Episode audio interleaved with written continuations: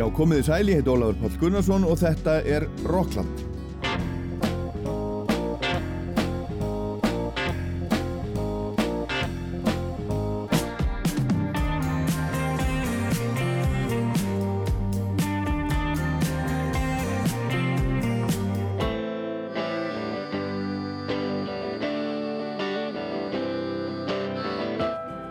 Í þættum í dag heyrum við sittlítið af hvorum. Í seinni hlutanum kemur í heimsókn hann Einar Þór Jóhansson, gítarleikari úr Borganesi, úr Dundurfrettum til dæmis, en hann var að senda frá sér sína fyrstu plötu sem að heitir Tracks. Hún er svolítið sérstök, hljómar svolítið eins og árið sé bara 1980 og 5 eða 6 eða 7 eða eitthvað svo leiðis. Og við heyrum í þættunum líka splungunýtt lag frá Neil Young og Crazy Horse af vendalegri plötu sem heitir Barn heyrum líka nýtt frá Tori Amos, Robert Plant og Alison Krauss og Nick Cave og Bad Seeds. En byrjum á Brandi Carlyle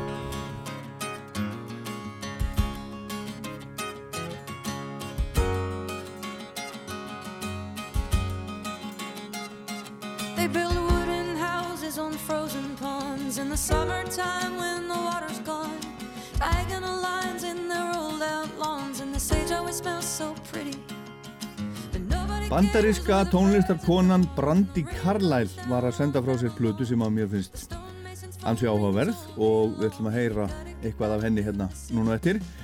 En Brandi Carlyle er, er hvít, færtug, hún er lesbísk, kraftmikil kona, ein af konunum í ofur country sveitinni The High Woman og hún hefur 13 sinnum verið tilnæmt til Grammy-veluna. Nýja platan hennar heitir In These Silent Days og er sjönda stóra platan hennar fór hæst í 11. sæti bandaríska vinsaldalistans, stóra plötusölulistans en hún fór á toppin bæði á folklista-billboard og á rocklistan. Svolítið sérstætt en svona er þetta. Kynnumst Brandi Carlyle aðeins í Rockland í dag byrjum á að heyra uppháslag nýju blötunar. Það heitir Ride on Time. Come back now even if you call me out you might be angry now, of course you are. I'm scared too, didn't mean to take it out on you. I know I always do.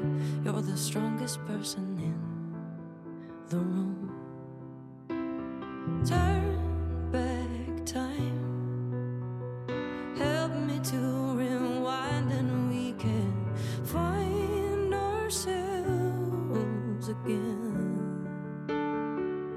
It's not too late. Either way, I lose you in these silent days. It wasn't right, but it was right on.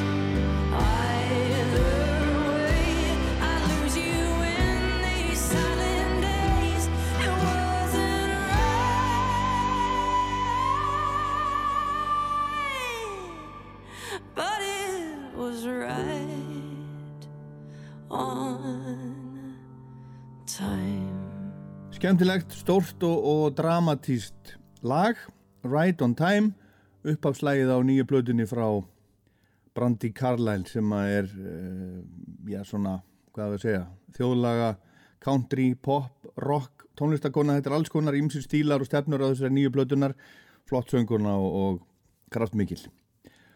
Og hún, hún uh, segir að hún hafi æft sig í bílnum þegar hún var, þegar hún var krakki með því að syngja með, með Queen. Hún er fætt 1. júni 1981 í Ravensdale í Washington, svona cirka 40 km fyrir utan Seattle. Hún er sveitastelpa, það voru engin hús í kringumanna, engir íbúar í margra kílometra radíus og brandi litla leik sér í skóginum, byggði kofa og spilaði svo og söng með sískinu sínum, bróðurnum Jay og sýsturinni Tiffany. Hún fekk heila himnubólgu þegar hún var fimm ára gömul og það kostiði hana næstum lífið. Hún var mjög hægt komin um tíma fór í, fór í hjartastopp nokkur sinnum til dæmis. En hún lifiði af og hún var kottnung þegar hún byrjaði að syngja og hún stóði í fyrsta sinn á sviði þegar hún var átt ára. Þá söng hún lægi Tennessee Flat Top Box eftir Johnny Cass eða sem að Johnny Cass hafi gert vinsalt og gerði það með mömmu sinni Teresu Carlyle, þar voru saman á sviði 15 ára var hún byrjuð að semja lög á gítar og 16 ára var hún orðin bakrættasöngurna hjá svona Elvis eftirhermu og hún lærði líka sjálf að spila á piano og þar var Elton John mikill áhrifavaldur, hún vildi geta spilað á, á piano eins og hann. Og fyrsta stóra plataninnar heitir bara Brandi Carlyle og kom út á vegum Sony BMG árið 2005, fekk góða dóma en, en seldist ekkert svakalega og næsta plata The Story, önnurplatan kom svo 2007 og hún seldist talsveit betur og titilægið The Story vakti talsverð aðtikli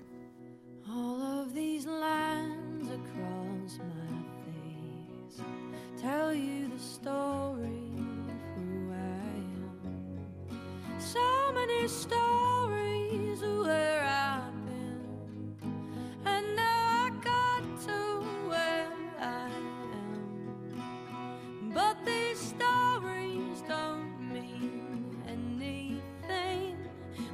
got no one to tell them to.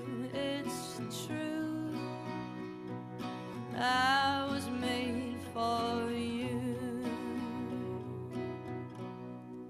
I climbed across the mountain tops, swam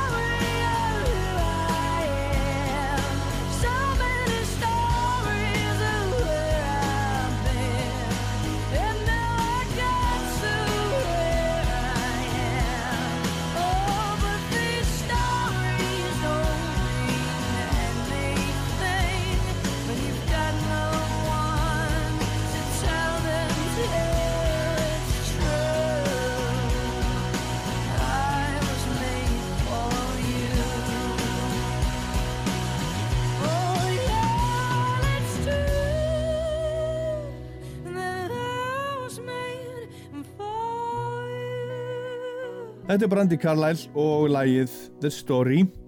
Titillag annarar plötundarinnar sem kom út árið 2007 hún fór hæst í 40. og fyrsta sæti á Billboard listanum T-Bone Burnett sá fræði upptökustjóri, hann stjórnaði þarna upptökum og hún var tekin upp á tíu dögum á tveggja rása segulband í uh, Vancouver í Kanada. Og þarna voru meðinni lagasmiðirnir og, og uh, gítaleikarin og trommarin eru bræður Tim og Phil Hansroth og trommarin Matt Chamberlain, hann var þarna, þarna með. Og svo í kjölfarið þegar þessi plata var komin út þá kom út plata sem að heitir Cover Stories. Og þar var í raunni öll þessi plata Brandi Karlal tekin og uh, já, bara tekin upp á nýtt og, og alls konar listamenn úr einum af þessum áttum fluttu sagt, þessi lög sem er á þessari blödu og það er ekkert smá lið. Adele var þarna, Pearl Jam og Dolly Parton til dæmis. Og allur ágóðið af þessari blödu, þetta var, var góðgerðarplata rann til, til War Child UK sem eru samtök sem að, sem að e, styrkja börn sem að hafa lend í stríðsátökum En svo kom þriðja platan Give Up The Ghost 2009 og fjórða heitir Bear Creek, hún kom 2012. En svo var það fymta platan hennar Brandi Carlyle, The Fire Watcher's Daughter sem kom úr 2015 sem kom henni svona almennilega á kortið. Hún var svo sem orðin nafn en, en uh, var svona, hún fór alveg nokkarar tröppur upp á við þegar þessi plata kom út. Hún náði hægst í nýjenda seti bandaríska viðsældalistans og fekk Grammy tilnefningu í floknum Best Americana album. Við skulum heyra lag af henni sem heitir The Eye. It really breaks my heart to see a dear old friend go down in the worn out place again. Do you know the sound of a closing door? Have you heard that sound somewhere before? Wonder if she knows you anymore? I wrapped your love around me like a chain, but I never was afraid that it would die.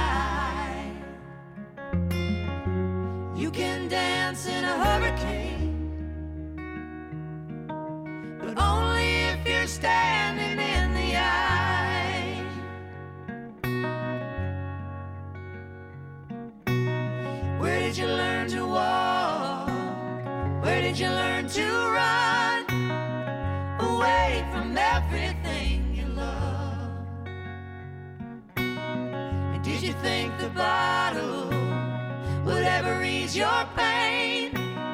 Did you think that love's a foolish game? Did you find someone else to take the blame? I wrapped your love around me like a chain,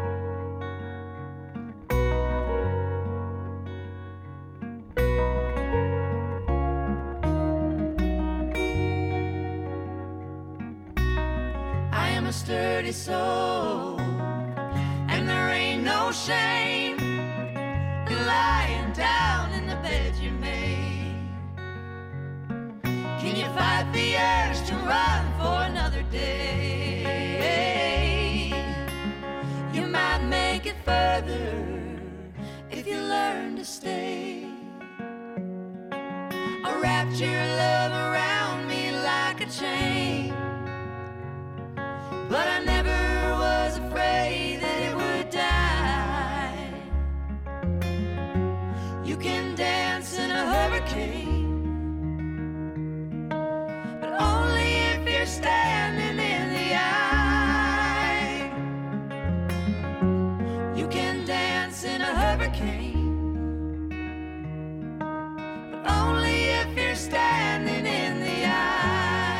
You can dance in a hurricane but only if you're standing in the eye. Þetta er Brandi Carlyle af plötunni Fire Watch's Daughter frá 2015 og lægið The Eye. Næsta plata, sjötta platan hennar, heitir By the Way, I Forgive You. Hún kom út í februar 2018, fekk góða dóma, svakalega góða dóma og seldist ágætlega, seldist vel, náði fymta sæti á Billboard listanum engin plata hennar hafði komist herra heldur en hún þá og hún fór á toppin á, á rocklista Billboard. Hún fyrir Grammy velun í floknum Best Americana album 2019 þegar árið 2018 var gert upp og hún var líka tilnemd í, í stóra floknum plata ásins, eina blötum ásins og skulum heyra laga þeirri blödu sem að heitir The Joke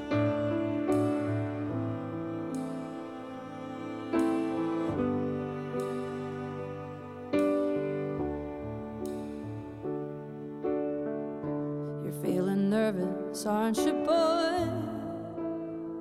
With your quiet voice and impeccable style.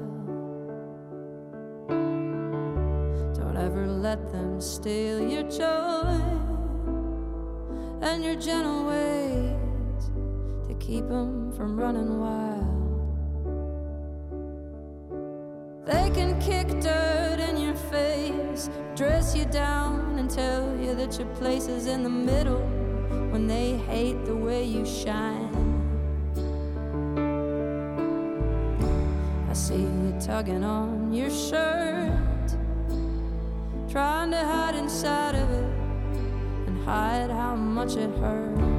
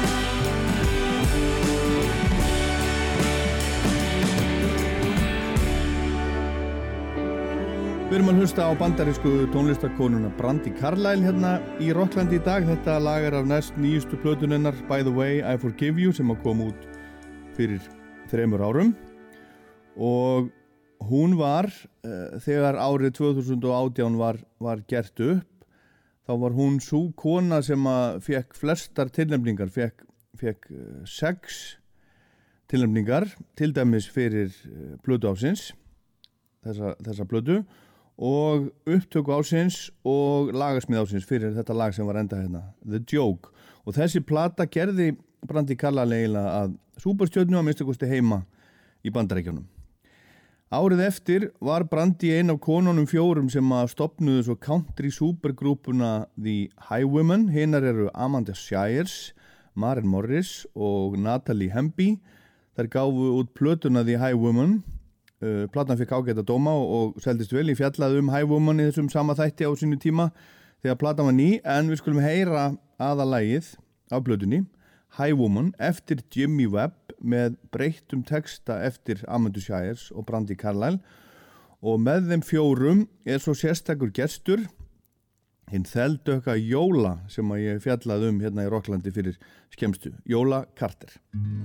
I was a high woman and a mother from my youth. For my children, I did what I had to do. My family left Honduras when they killed the Sandinistas. We followed a coyote through the dust of Mexico. Every one of them, except for me, survived, and I am still alive.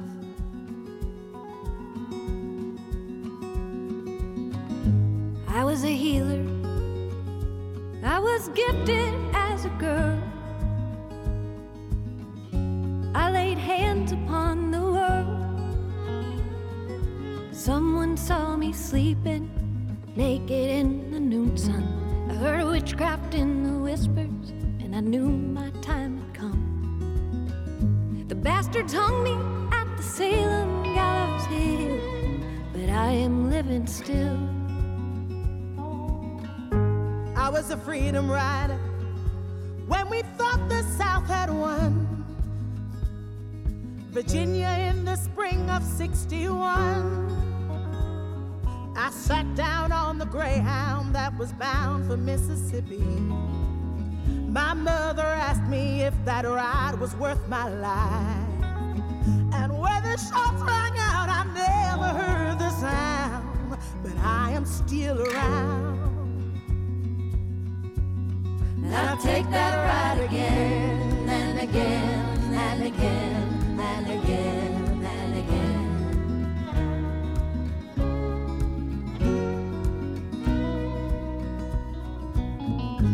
I was a preacher. My heart broke for all the world. But teaching was In the summer, I was baptized in the mighty Colorado. In the winter, I heard the hounds, and I knew I had been found. And in my Savior's name, I laid my weapons down, but I am still around.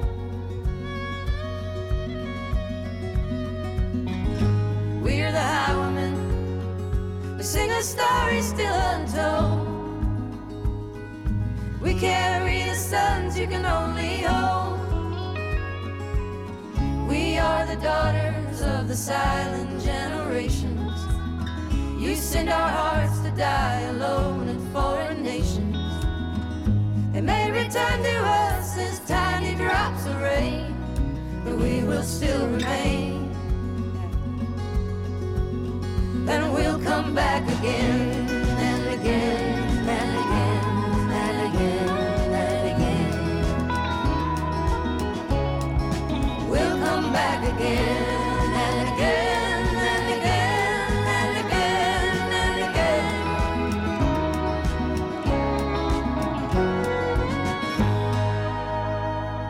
The High Woman með lægið High Woman eftir Jimmy Webb með breyttum texta. Þetta er þetta er þetta lægið sem þeir gerðu frækt að sinu tíma.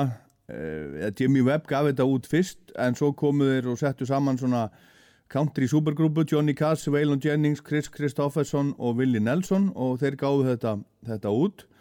Og svo var þessi kvenna supergrúpa, country kvenna supergrúpa til. Og það var þannig að Amanda Shire sem að er það var þessi naugadrið, þá er hún, þá er hún uh, eiginkona eða allavega sambíliskona Jason Isbell. Og hún eh, var að eh, hlusta á country útarpið í Ameríku þegar hún var að túra og, og fannst vanta fleiri konur og, og það var eh, upptökustjóri sem var að vinna bæði með henni og Brandi Carlyle sem að stakka upp á því að hún myndi ringja í Brandi og hún gerði það og, og það var svona fyrsta skrifið í að búa þetta, þetta til þennan, þennan kvartett The High Woman. Og þetta vakti mikla aðtikli en það þarf alltaf að vera, vera að flokka alla mögulega og mögulega hluti og, og músikbransin talar um að Brandi Karlal hafi reynd fyrir sér í ymsum stílum og, og stefnum en í raunin er þetta bara allt músik eh, einhvers konar country. Það má kalla þetta pop eða rock eða folk eða alternative country. En sjálf segir hún að alveg sama hvað hún reyni og geri þá nái hún aldrei countryinu úr röttinu sinni og er alveg sátt við það. Þetta er einhvers konar country músík, country pop. Og Brandi skrifaði æfisögu sína núna í COVID, hún heitir Broken Horses, fór í efstasæti bóksölulista New York Times í apríl á þessu ári og daginn sem hún kláraði bókina fór hún yfir að píanónu sínu, var búin að einbetta sér að skrifa þessa bók, fór yfir að píanónu sínu og samti fyrsta lægið á nýju plötuna, lægið sem að lokar plötunni pianoballaða sem að heitir Throwing Good After Bad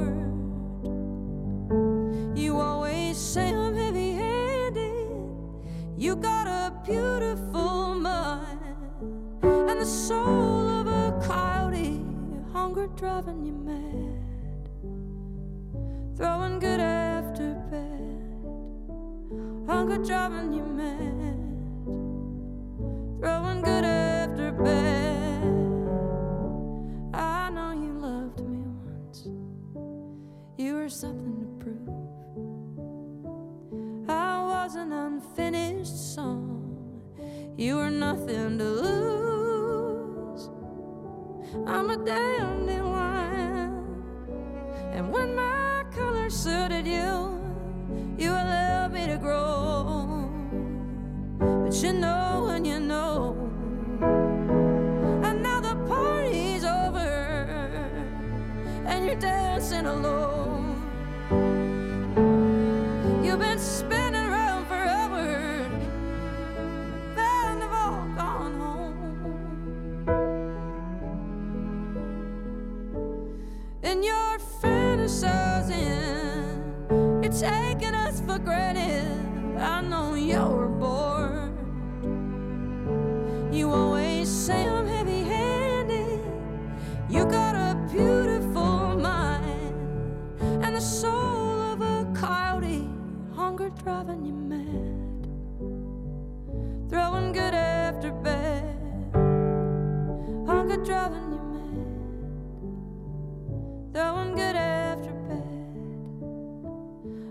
Driving you mad.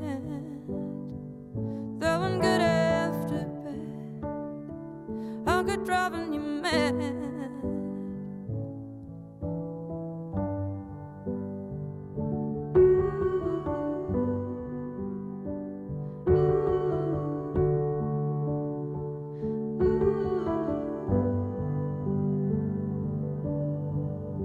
Throwing Good After Bad lokalag nýju plötunar frá Brandi Carlyle.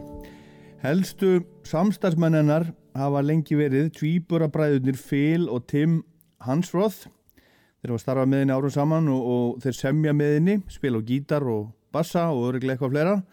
Þeir eru frá Seattle eins og hún og voru áður í, í rockljómsettum í, í Gruggborginni Seattle og það er heilmikið rock í brandi, hún er til dæmis eina fáum söngurum í heimunum sem að kemst upp með það að syngja lög Led Zeppelin á tónleikum. Og hún gerir það stundum. Eina fáum fyrir auðan Robert Plant auðvitað. Hún stóð á sviði með, með Pearl Jam fyrir stöttu og söng Better Man með Eddie Vedder og 2018 held hún tónleika í Walt Disney koncerthöllin í Los Angeles þar sem hún flutti alla Blue plötunennar Joni Mitchell sem að var 50 núna í vor. Jóni sem er einn af hetjum æsku brandi er góð vinkunarnar í dag og líka Elton John sem er ekki minni hetja í hennar augum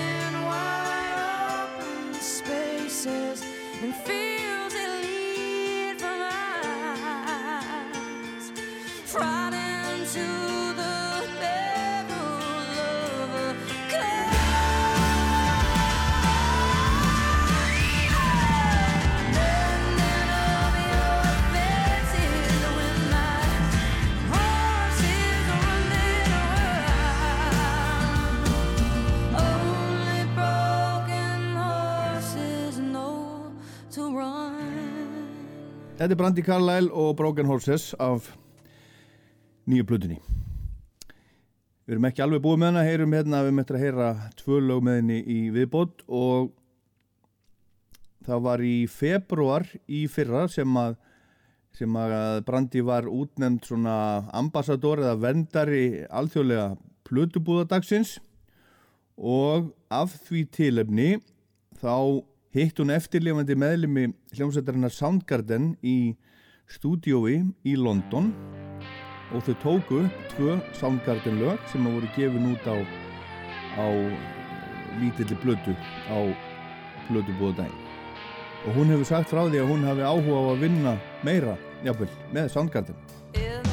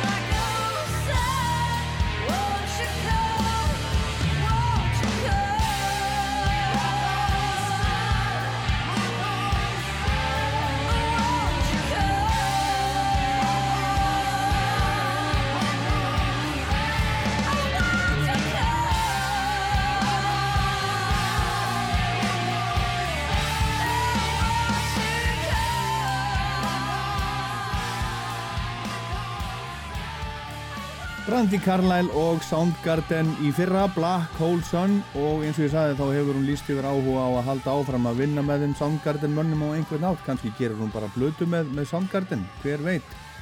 En hún sagði frá því, hún brandi í viðtali árið 2002 fyrir mörgum mörgum árum, löngu áður en fyrsta plataninnar kom út að hún væri lesbija og það væri ekkert lendamál og hún hefur látið til sín taka svolítið varðandi málefni samkynneira svona kannski svolítið Páll Óskar í, í Ameríku.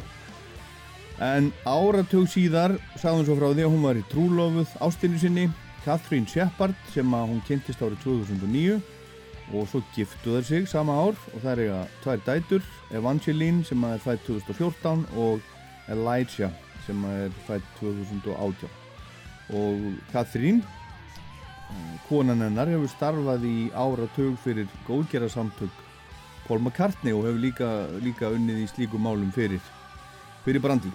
Og Brandi er dýravinnur, hún á geitur, hænur, hest, hund og kött og býr í Maple Valley í Washington. Og Brandi Carlyle er skemmtileg, hún er superstjarnar og rétt að byrja og við skulum heyra eitt lag af nýju plötun hennar til viðbótar plötunni In These Silent Ways sem að ég mæli með. Lagið er This Time Tomorrow.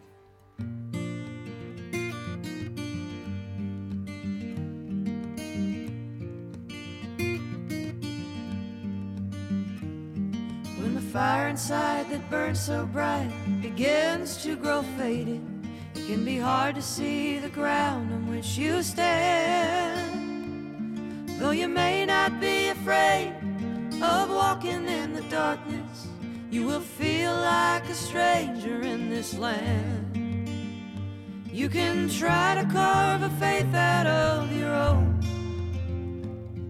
But a broken spirit may dry out the bone. And the edges of the night may cause you sorrow. You know, I may not be around this time tomorrow, but I'll always be with you. Yeah, I'll always be with you. When the hope that you hold tightly to has all but vanished, and there are no words of comfort to be found, you will know what it means to be lost and without love. May you fight to kill that deafening sound. But our holy dreams of yesterday are gone. They still haunt us like the ghosts of Babylon.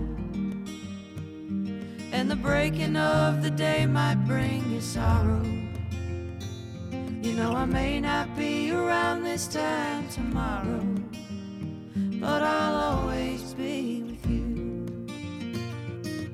I'll always be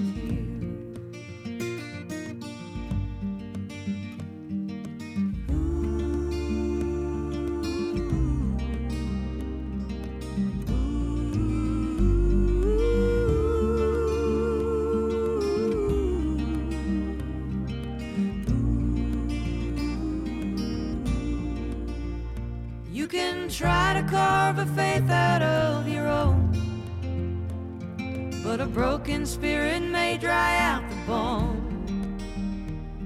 And the edges of the night may cause you sorrow.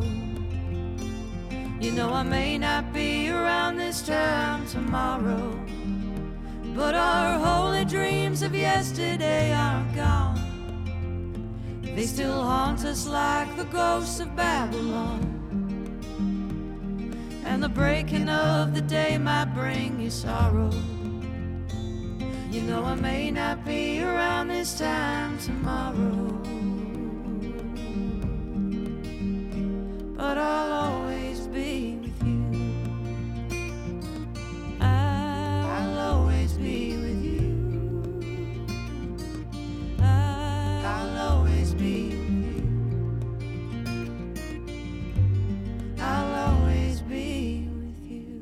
Verð alltaf hjá þér, Always Be With You, þetta heitir This Time Tomorrow að plötunni frá henni Brandi Carlyle og við þökkum henni fyrir hverjum hana hér með. Og minni á Einar Þór Jóhansson, gítarleikar á Dundufréttum, hérna í setni hlutanum og eftir hann var að senda frá sér sína fyrstu soloplötu og heyrum að henni og í honum. En fyrst skulum við heyra laga vendalegri plötu frá yngum öðrum en Neil Young og Crazy Horse. Það kom síðast plata frá þeim ára 2019 heitir Colorado en enn einn platan frá Neil er að koma núna 10.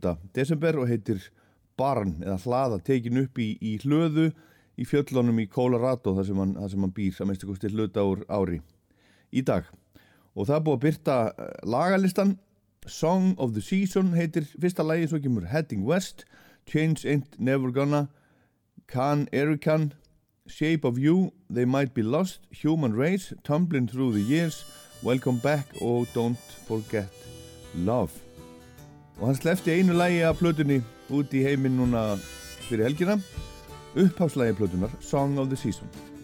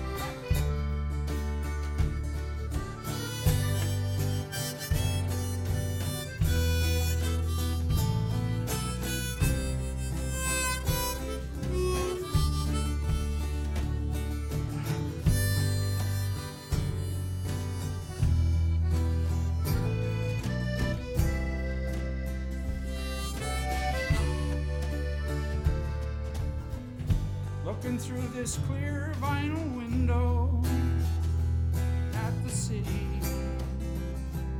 and its lights. Mass people walking everywhere. It's humanity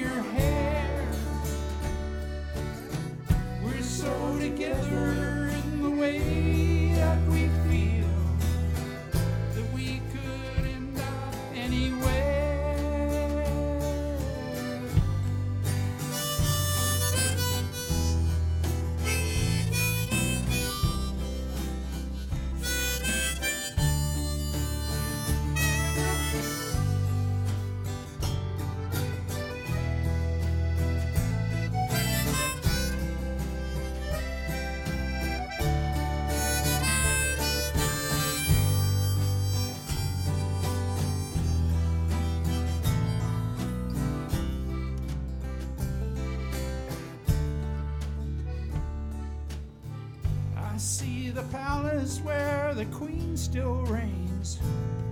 behind her walls and lonesome gates. The king is gone now, and she remains.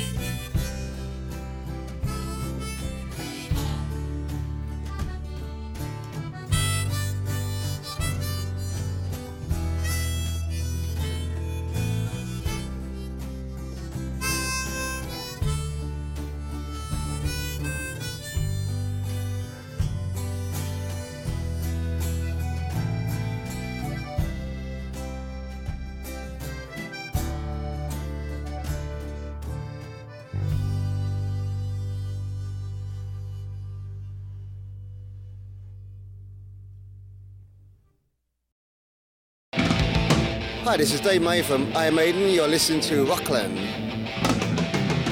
radio station here in jolly old Iceland. Thank you.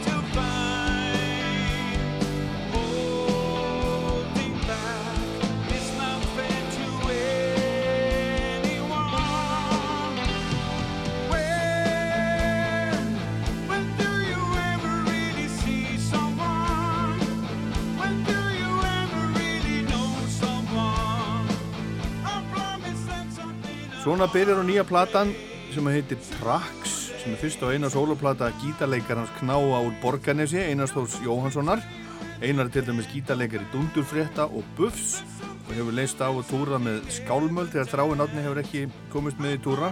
Og þessi plata er svolítið sérstök. Hún hljómar eins og árið sem 1980 og eitthvað 85 eða 87 eða hvað, hvað finnst þér Einar? Og velkomin Já, ég myndi segja hvaða, hvaða ár er þetta? ég myndi segja þetta væri þú veist, þetta er, þetta er í rauninni frá 81 til 90 Já, já, bara allir sá, sá skali. þetta er allur svo áratugur þegar hérna, þessi músík var bara vinsælasta músíkin í heiminum Já, þetta er svona, þetta er svona soft rock, ég kalla þetta eiginlega power pop sko.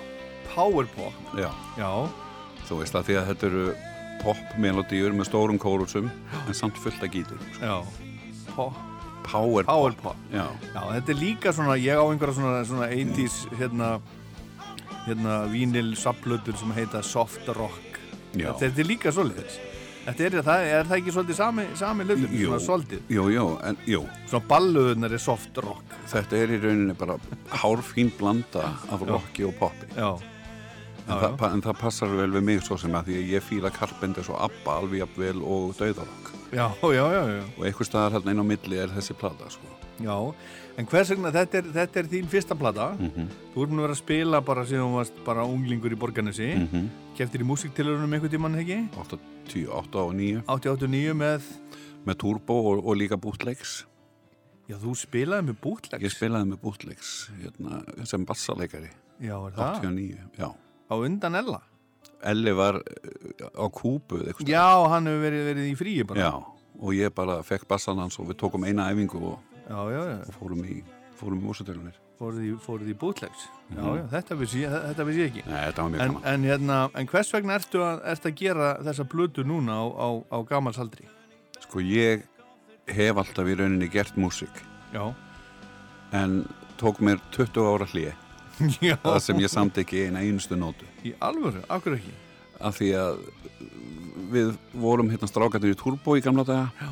og ég samt alveg rosalega mikið og það var mikið æft og mikið gert af demóm og við vorum stöðut að fara til steina og skífunar til skiptis með demo og þeir voru alltaf, keldur mann alltaf vola volgum sko, þeir sögðu alltaf hérna já, þetta er fínt en pröfa að vera þess átt. Og ég fór í þá átt. Já. og fóru við aftur og svona, já, þú veist, það var alltaf svo mikið mói sko. Já. og síðan náttúrulega á sama tíma var var bandið alltaf að velja meira og meira svona disjointed þannig séð sko að því að menn mættu á æfingar með tróðfulla handaboka af vodka og bjór. Já. þannig að djammi var orðið mikilvægara heldur en heldur en að búa til músík. Og ég var alveg þú veist, segur af því líka Uh en svo bara allt í hennu ég bara stoppaði, ég bara hætti Bara hættir að semja. já, Já. ég bara hætti að semja og fó bara rosalega mikið að spila Mhm. spila bara böllum út um allt já. og bara álæðislega mikið oft sko og var kannski rattlaus fram til miðugardags og þá Já. byrjaði maður aftur næstu helgi Já. og ég snerti ekki gítarinn nema að vera að fara á svið Já, já. Og þá erum við að tala um buff. Nei, Nei. við erum að tala um borganisband sem hétt Draumalandið Já, dæmis. já, já.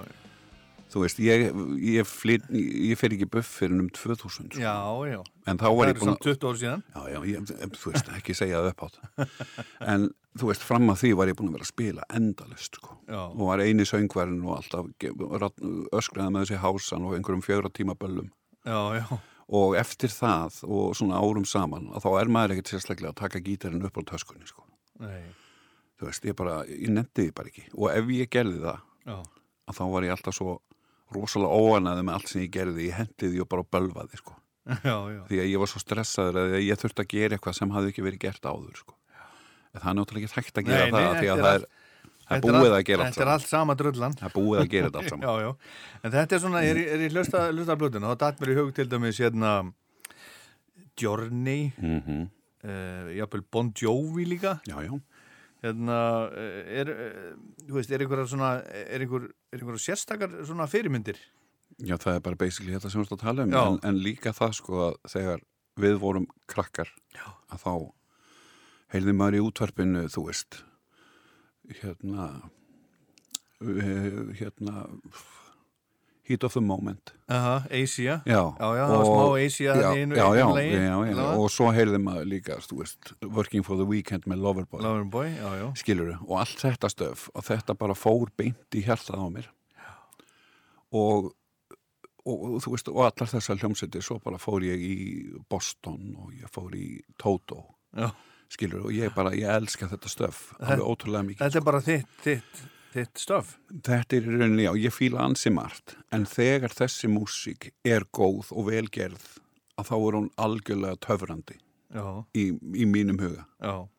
Við skulum, við skulum taka upp þennan þráða afturættir. Mhm. Við skulum heyra hérna næsta lag sem við ætlum að heyra, So Much Love. Aha. Hvað, hvað, eh, hvað er skáldið að fara þar? Já, skáld er bara basically að, að tala um konuna mína, sko Já, það er bara þannig þegar við, þegar við kynntumst og, og hérna og hvernig hún basically í rauninni svona bergaði mér, þannig séð.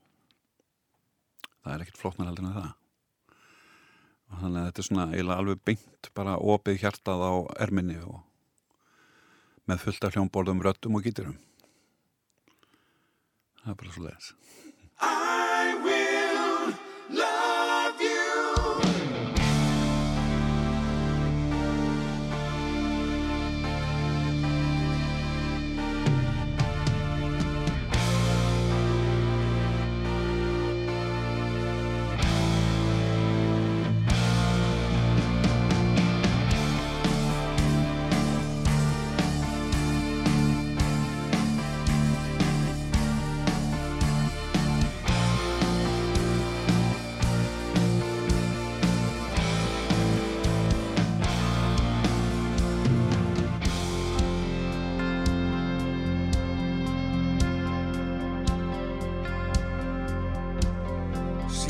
yesterday.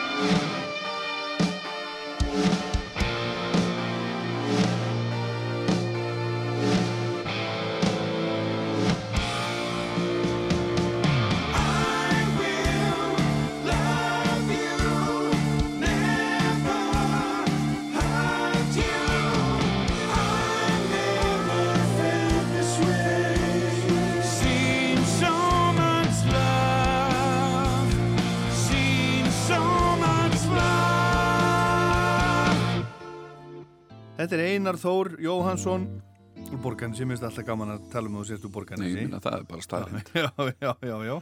Og hérna, og lægi So Much Love af nýju plötun sem heitir Trax. Okkur heitir hún um Trax? Uh, ehm, það var annarkvort það eða hundaskýtur á marmilaði. Hundaskýtur á marmilaði? Já, nei, eins og ég segi, ég, það sem ég hugsaði með mér var að ég veit ekkert hvað platan á að heita. Ég vil ekki skýra hana eftir einhverju lægi á plötunni og ég hugsaði með mér tracks, það er svona lög. Já. geti líka verið spór og það eru fullt af lögum á plötunni sem eru veist, um mína reynslu, þú veist ekki öll. Þú veist bara svona spór spór, spór lífsins eða eitthvað, skilur, þú veist og þetta er bara svona einhver kjánalegur orðalegur og já. ég fannst þetta alveg jafn gott eða slæmt eins og eitthvað annað Já, en hvað eru þetta sko, eh, hvað eru þetta, eh, þetta gömul lög síðan, síðan þessi lög, hvenar er, er þetta alls öll þessi lög er sín í fyrra Þú samtir þetta bara allt í fyrra já, og er ekkert mál fyrir að setjast niður og semja? ég á núna uh, 120 lög cirka. Í alvöru? já, já, Og hvað ætlar það að gera? þetta er, sko, þetta er bara það sem ég geri í alvörinni ég, Já. ég elska að búa til og eftir því sem maður gerir meira því meira gerir maður. Og því meira skilur og maður veldur já, að því að ég fekk mér hérna núna í vetur þá fekk ég mér hérna Garrett's Band Já, sem er svona demo-forrið sem Já, maður já. getur bara verið í tölvunni heima. Já. og þá átti ég einhver 30 lög bara inn á símanum sko og ég hysnum á mér. Já. og ég tók þau upp og eftir það eru búin að koma svona 70-80 Vá, maður og alveg fullum demóum sko. Já, já. En hvað er hérna, hérna þú veist, hvað er þetta tekið upp og, og svo, svo ertu einn í þessu ekki, spilar ekki á allt sjálfur? Ég spila á allt sjálfur og syng allt og hérna, en ég tekið upp með Sissa vinnu mínum yfir Borgarnesi sem við vorum, við vorum saman í Turbo í gamla dag Já, já, og hann er æsku vinnu minn og frábært stúdíu sem heitir Gott Ljóð og við, hann tekur þetta upp með mér og þú veist og svo mixum við þetta saman Mhm. og ég væri ekkert að gera þetta það væri ekki fyrir Sissa sko. það, er bara, það er bara svo einfalt. Já, þetta er bara okkar quality tími. Við, þú veist gerum, við hittumst á svona þryggja mánuða fresti, tökum upp 23 lög. Já. og svo á lögutaskvöldinu þegar maður er búin að taka allt upp og það koma svona gróf mix já, að þá opnum við Jack Daniels og nokkra bjóra já, já. þetta er bara svona, þú veist ég er ekki stangveiði maður, Nei, ég er ekki í fótbolta. Þetta er bara stangveðin er nú skemmtileg. Nei, nei, en það má alveg halda það. Já, en hérna, þú veist, hérna þetta er bara, þetta eru mínar ær og kýr og Já. hafa í rauninni alltaf verið sko. Já. það er í rauninni ekkert annað. Já, já. En hvað, hérna nú, nú, er, nú er, er platan komin út, hún er komin á Spotify. Já, um, kom með fast form, nei, ekki möguleiki. Ekkert fast form. Nei, ekki séns. Ekki séns. Ég hef búin að kynnast nógu mörgum sem hafa sagt yfir mig meiri sig að þessa setningu. Ég flutti um helgina Já. og það voru fjórir kassar af blötunum minni undir númunu mínu og ég fóð með það í sorpu. Í alvöru, mm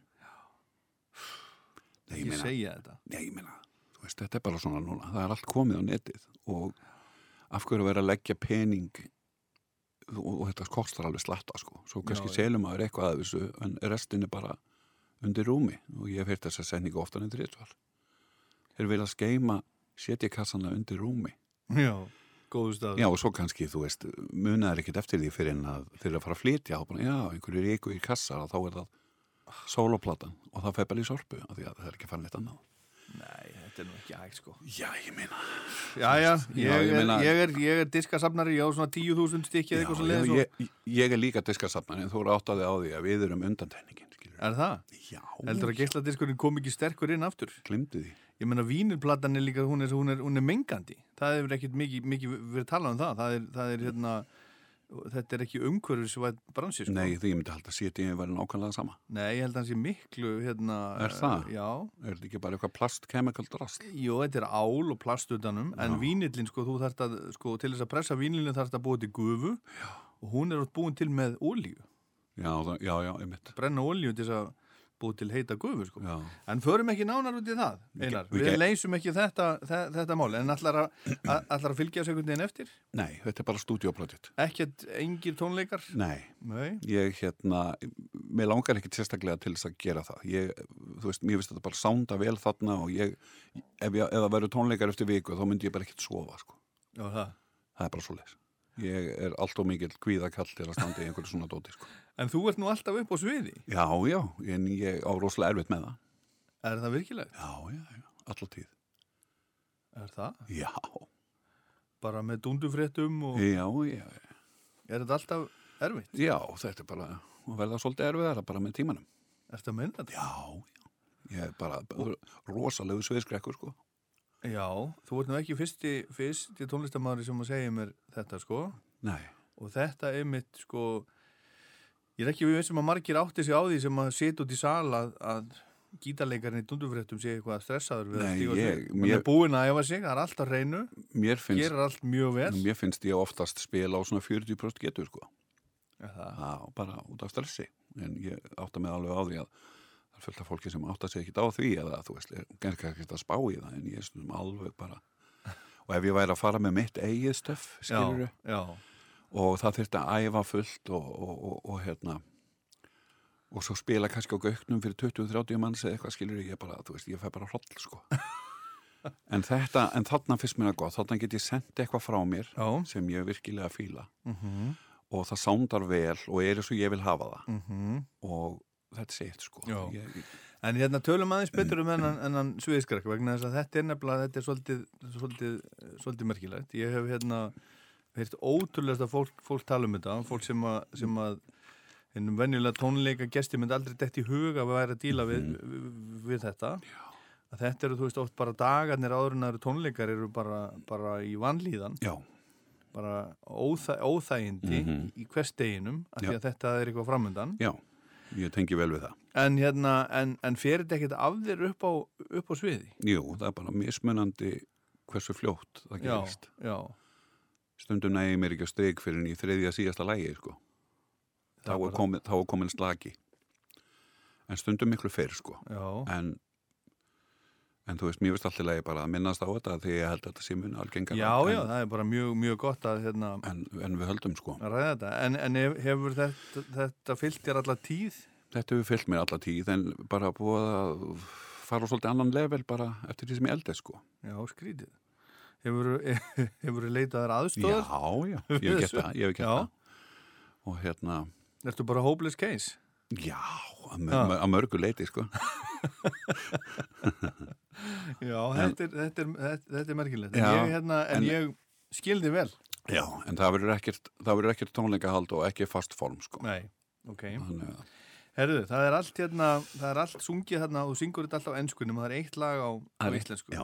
Af hverju, af hverju er það? af því að það var bara þannig. Já, sko, ég, þú veist, ég, ég ætlaði ekkert sérstaklega að gera neina sérstaklega plötu, sko, ég er bara að gera þetta af því að ég fíla þetta og mér finnst þetta gaman og þetta er gefandi og bara það sem ég elska að gera. Og ég, ég fyrir að tóku við upp rúmlega 20 lög og ég valdi 11 á þeim að plötuna. Og það var bara þannig að eitt þeirra var með íslenskan texta. Já, það er ekkert meira á bakvið það, sko. Nei. Og mér var slægið það gott að, veist, að, og það skiptir mig einhver máli, skiljur, hvort það sé íslenskur texta en ennskur Já, en þið veist ekkit, ekkit erfiðar að syngja á íslensku eða eitthvað svo leiðis? Jú, það er erfiðar að búa til texta á íslensku Já, er það? að- Já, maður er miklu berari, sko Já, maður er miklu berari, veist að, að, ég held að sé miklu greinilegra hvort að textin sé slappur, gæsalappir já, já, eða ekki þegar það er- hann er íslenskur, já, sko já.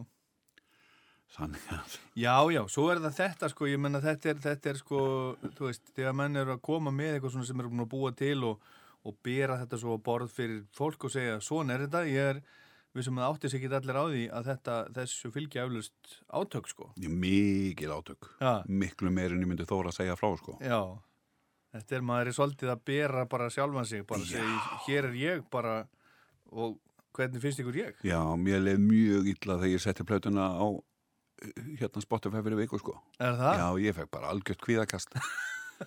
Ég laðist bara í rúmið, sko. Er það virkilega? Já, já. Já, hérna, í, í alvörinni ég bara, þú já. veist, þetta er, þetta er mikið þetta er, þetta er mikið hjartans mál hjá mér sko, já, já. ég fíla þetta alveg í botn og ég er búin að hugsa á ég að gefa plötu, nei ég sleppi því bara. Já, og hérna, og svo var Sissi vinnu minn alltaf að hvetja mig til þess að gefa hann út og ég er búin að hætta við það og alltaf áfram með það svona 20 sinnum já, þanga til að ákvað bara að kýla á það og þá kemur þetta sko þú veist, ætli einhver hlusti á þetta og ætli einhverjum því geta skemmtilegt og, e- og eitthvað svona en þú veist þarna hendi ég út 11 lögum í einu sem enginn hefur heyrt og það bara, var bara eiginlega tómat sko Já, já. Herðu, en, en hvað ertu, um hvað ertu að syngja? Hvað? Gef, gef mér allt. gefur mér allt uh, Vítu nú við ég, þetta, er bara, þetta er bara voða svona mikið COVID í þessum texta sko. Uh, ég held að hann sé er hann ekki rosalega niðurdrefandi ég held það. Nei, ég á eitthvað æ, Jesus, ég mann ekki. Uh, du. Jú, er ég reyna að vera til og eitthvað svona dót sko. Það er COVID í hún. Já, þú veist það er mikið COVID. Það, það var rosa, rosa skrítin tími og, og, en mér finnst líka gaman sko að gera lög þar sem hljóðheimurinn er upplíkandi og glitrandi en textan er morbid. Það eru tvö eða þrjú svoleiðis þannig að rosalega einhverjar fallega popmelodýr og svo eru textarnir bara, þú veist, eins og dauði og djöfull. Mér finnst það skemmtilega Hlustum, gef mér allt.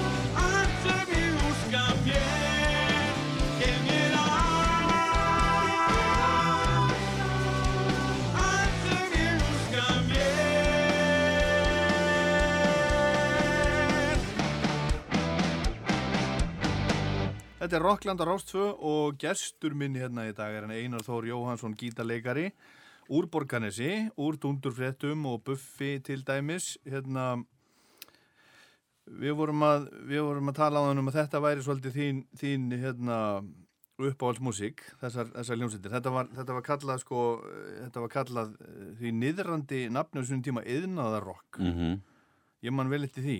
Já, ég man sko hérna eina, eina mínum eh, sko, svo er stundum talað um svona guilty pleasures, ég er nú alveg á móti því sko. Ég veit ekki En- hvað það er. Nei, en þegar ég var bara lítill, lítill drengur á Akarnesi þá kom út plata sem að, með hljómsveitinni Ari og Speedwagon mm sem heitir High Infidelity. Já, frábær plata. Það er eina mínum uppáhaldsplötum. Og, og Boston, þetta er svona músík sem ég fekk frá pappa, eitthvað sem hann var, hann var að kaupa, Mhm. skilur á, á, á þessum tíma þegar ég var bara 8 ára og 9 ára eitthvað svona og ég Nákvæmlega. held, held mikið upp á þetta. Já, sömulegis þannig ég tengi þetta, Styx. Mm það er svolítið svona. Algjörlega. En hvernig stendur á því að þessar hljómsveitir sko, þú veist, þú ferð ekki í hérna H&M og kaupir Boston ból eða Loverboy eða, eða hérna eða Journey, en þú farð, þú veist, þú farð Ramones og Motorhead, Já, þú veist, það er bara því að þetta er ekkit cool, sko.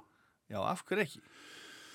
Af því að ef þú, spilar músíkina, skilur þú sérð ekkert neitt bara, það er einhver músík bara, ef þú hlustar, nota bara eirun, Já, þá er þetta bara margt af þessu mjög, mjög flott já, já og, en, og en, tímalöst, en sko. þetta er náttúrulega margt að þessu bara mjög poppað og popp er einhvern veginn alltaf eitthvað anstæðar erði, sko. Nei, ég menna, við erum með ABBA Já, ég veit það, veist, en að hjá mörgum, sko, þú veist að því þetta er pop-rock, þá er þetta bara of-poppað og er, bara ekkert Ég, soft, sko. ég er með reyndar teóriu, sko. Þetta er hérna sko, þessar hljómsveitir þær voru ekki með bestu, sko, stílistana Nei, nei. Hárgreðslunar hafi ekki lifað neitt sérstaklega vel og, og hérna, Nei, það áttir svo sem við allar tónlistategundir á þessum tíma, sko, já, já fattar við? En það er samt einhvern veginn, það er eitthvað við þessi bönd sem er einhvern veginn ekkert, þú veist það er, það þú veist, ég menna, Jim Morrison er ennþá töff, þú veist, já, Hendrix er ennþá töff, Já, já. En ekki eh, þú veist, þetta söngverinn í Boston Ne- Nei, ekki, ekki svona sem, sem einhver típa per se, Nei. eða sem típur, sko, í raunin ekki, sko. Þannig að þetta snýst allt um hárgreislur þegar uppi staðir. Já, bara, og hálsbreið, það var nógu mikið að því. Er það ekki? Jú. Já. Þetta er svolítið merkilegt. En, en hérna, en hefur séð, séð eitthvað af þessum hljómsveitum? Já, já, já, ég sá, sá Journey 2006, Og hvernig var? Bara algjör gæsáð. Já. Ég grét í balliðinni, sko. Já, ok. Já, já, Já. það var bara, ég sá það á Milton Keynes í Breitlandi, Já. á festival. Já. Og það var bara, var bara algjör gæsáð, sko. Já, já. Og síðan Dóntalega Tótó hef ég séð tvisvar og, Já. og séð Steve Lukather gítarleikara á solotúr Já.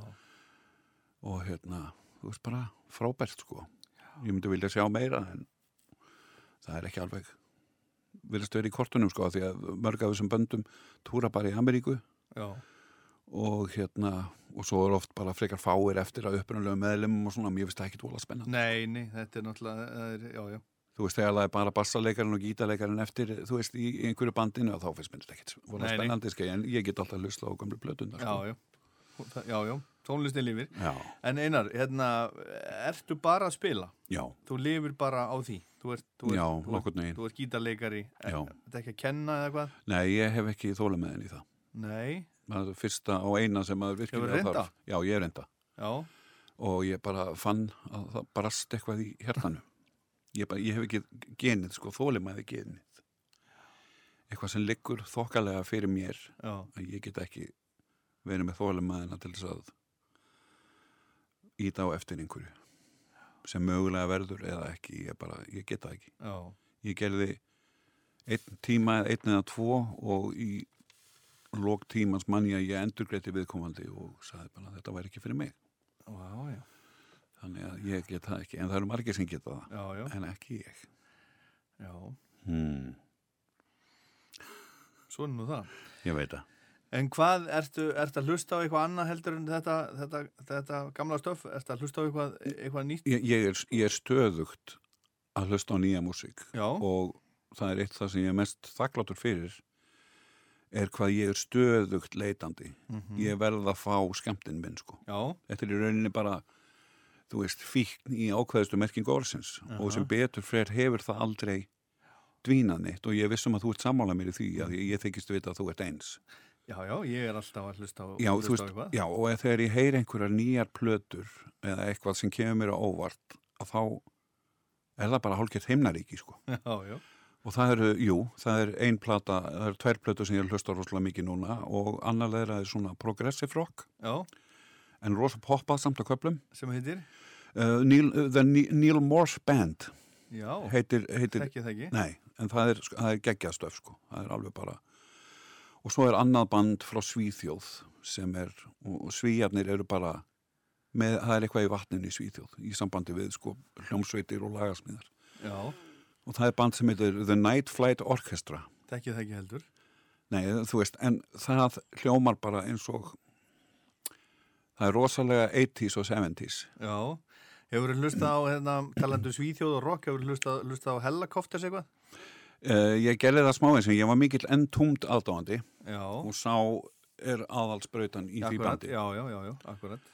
en ekkert sérstaklega, nei Hellacopters er alveg stórkostlega hljómsveit. Hún hljómar svolítið eins og Kiss 1976. Já, það hljóma bara strax vel Já, þú ert með Kiss tattoo, Já, ekki? jú, ég er með enn tvö held ég Já, býtu, og þú ert nú eitthvað að fara búin að, búin að bæta við þig. Er, er, Nei, ég er, í rauninni ekki sko er, er, er þetta, Woody Allen sem er þarna á hendina? Já, þetta er hann Er þetta gamalt? Þetta er gammalt, já Já.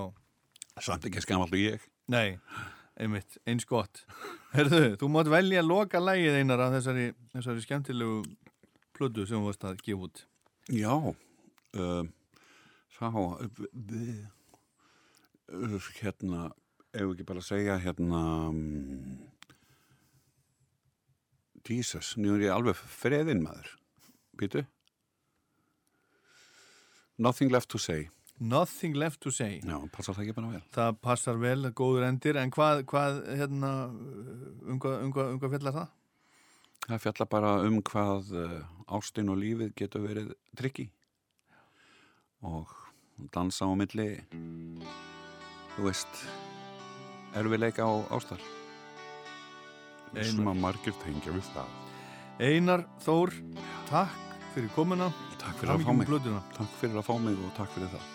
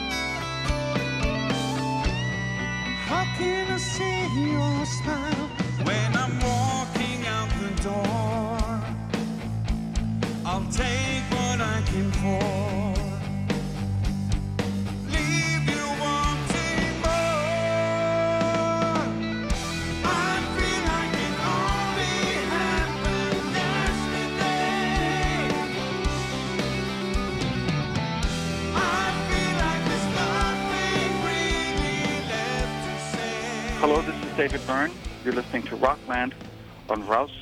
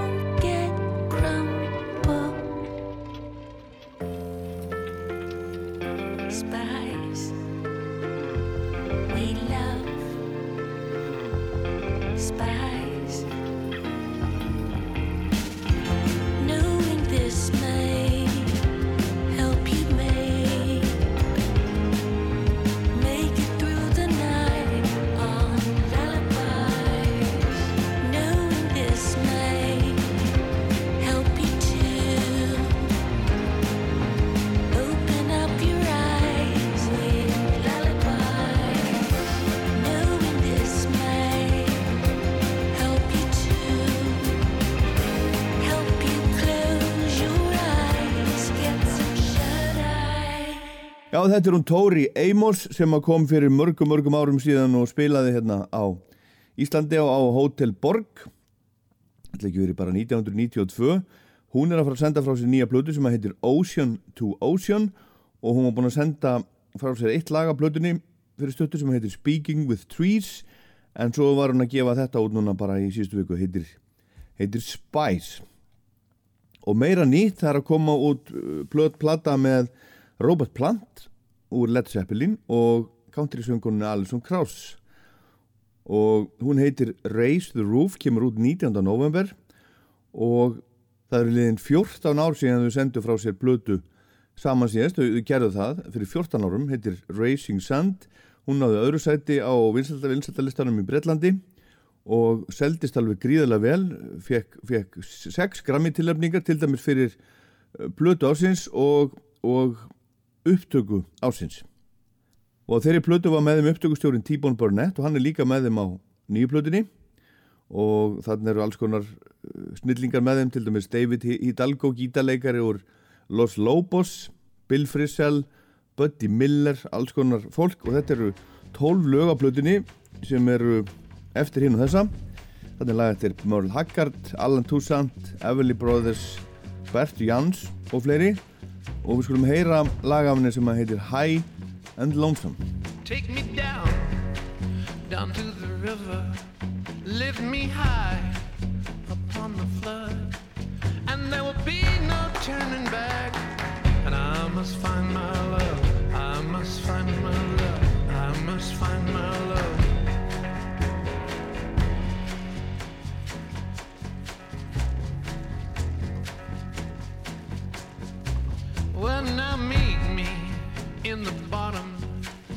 With the serpents and the vine. And I must shout out loud Will she still be mine? Will she still be mine? Will she still be mine? I shall not rest upon the highway. I will not tire nor despair. I shall conspire.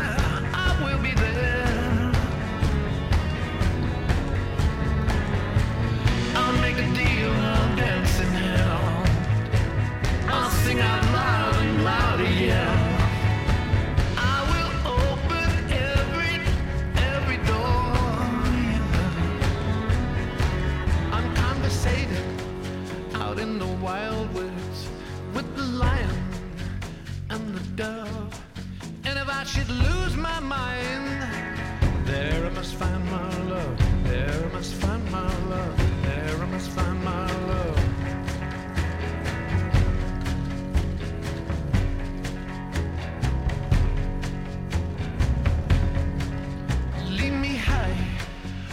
on the mountain with the naked and the free.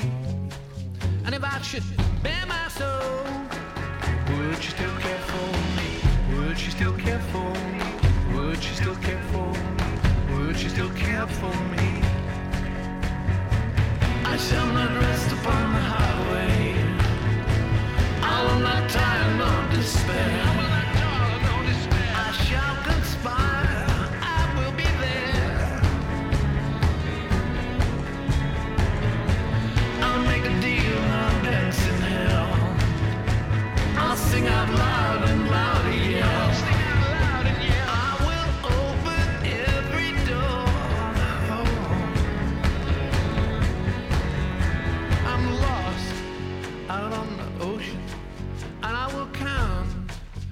Seven seas. So all alone, so high and lonesome. Does she still think of me? Does she still think of me? Does she still think of me?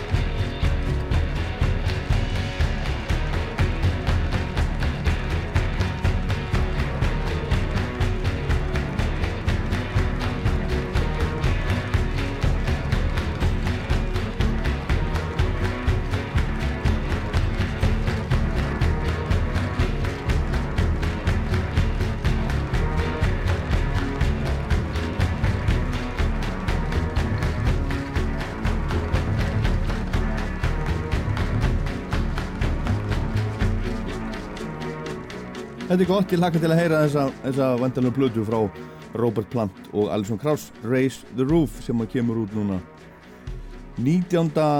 november og þá er bara komið að lokum og eitt lag eftir loka lagið farið af stað það er að koma út uh, plata eða svona kassi með, með uh, bjelliðum og, og sjálf heyriðum lögum með Nick Cave og Bad Seeds þetta heitir B-Sides and Rarities Part 2 og þetta er alls konar dót sem að fyrirluleikarinn í bandinu Warren Ellis hefur, hefur valið saman og, og, og komið í þennan, þennan pakka.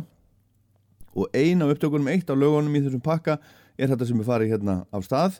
Þetta er titila plötunar Push the Sky Away sem kom úr 2013 en þetta er tónleika upptaka þar sem að Nick Cave og Bad Seeds voru með Melbourne Symphony Orchestra á, á heimavelli. Og Warren Ellis segir að þessir tónleikar hafi verið bara einhverjir albestu tónleikar sem hann hefur nokkuð tíman upplifað. Og við endum Rockland á þessu, ég minni á Rockland á netinu. Í rúf spilaranum út um allt og podcast á, á Spotify til dæmis. Og svo minni ég á Rockland mælir með lagalistan sem er alveg tilvalið að, að tjekka á og fylgja. Þar setjum ég inn 39 lög í hverju mánuði. Uppfæri mánuðarlega í byrjun hvers, hvers mánuðar og er komið með eitthvað rúmlega 1100 fylgjendur sem er mjög gott þegar með það er nóg pláss. Það er sko nóg pláss á Spotify fyrir fleiri. En ég er Ólaður Pál Gunnarsson takk fyrir að hlusta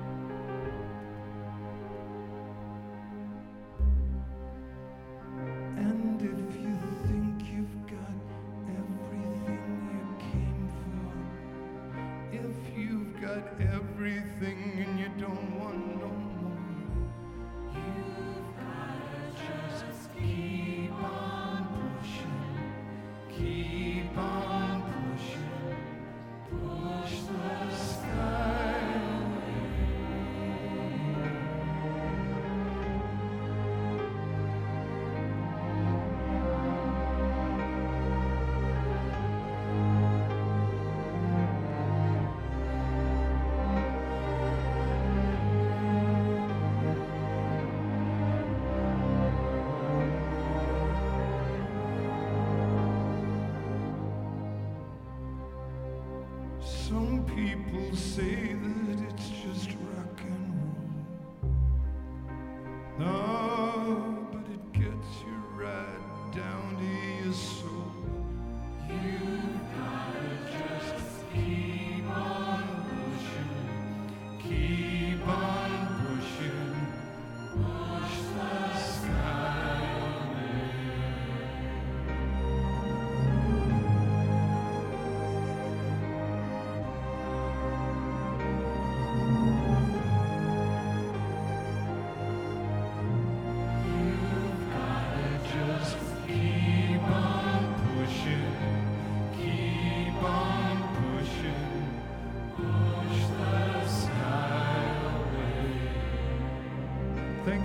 much, everybody.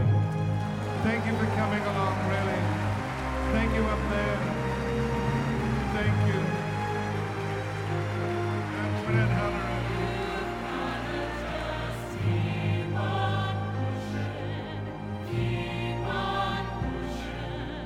Push the. Thank you, Melbourne Symphony Orchestra.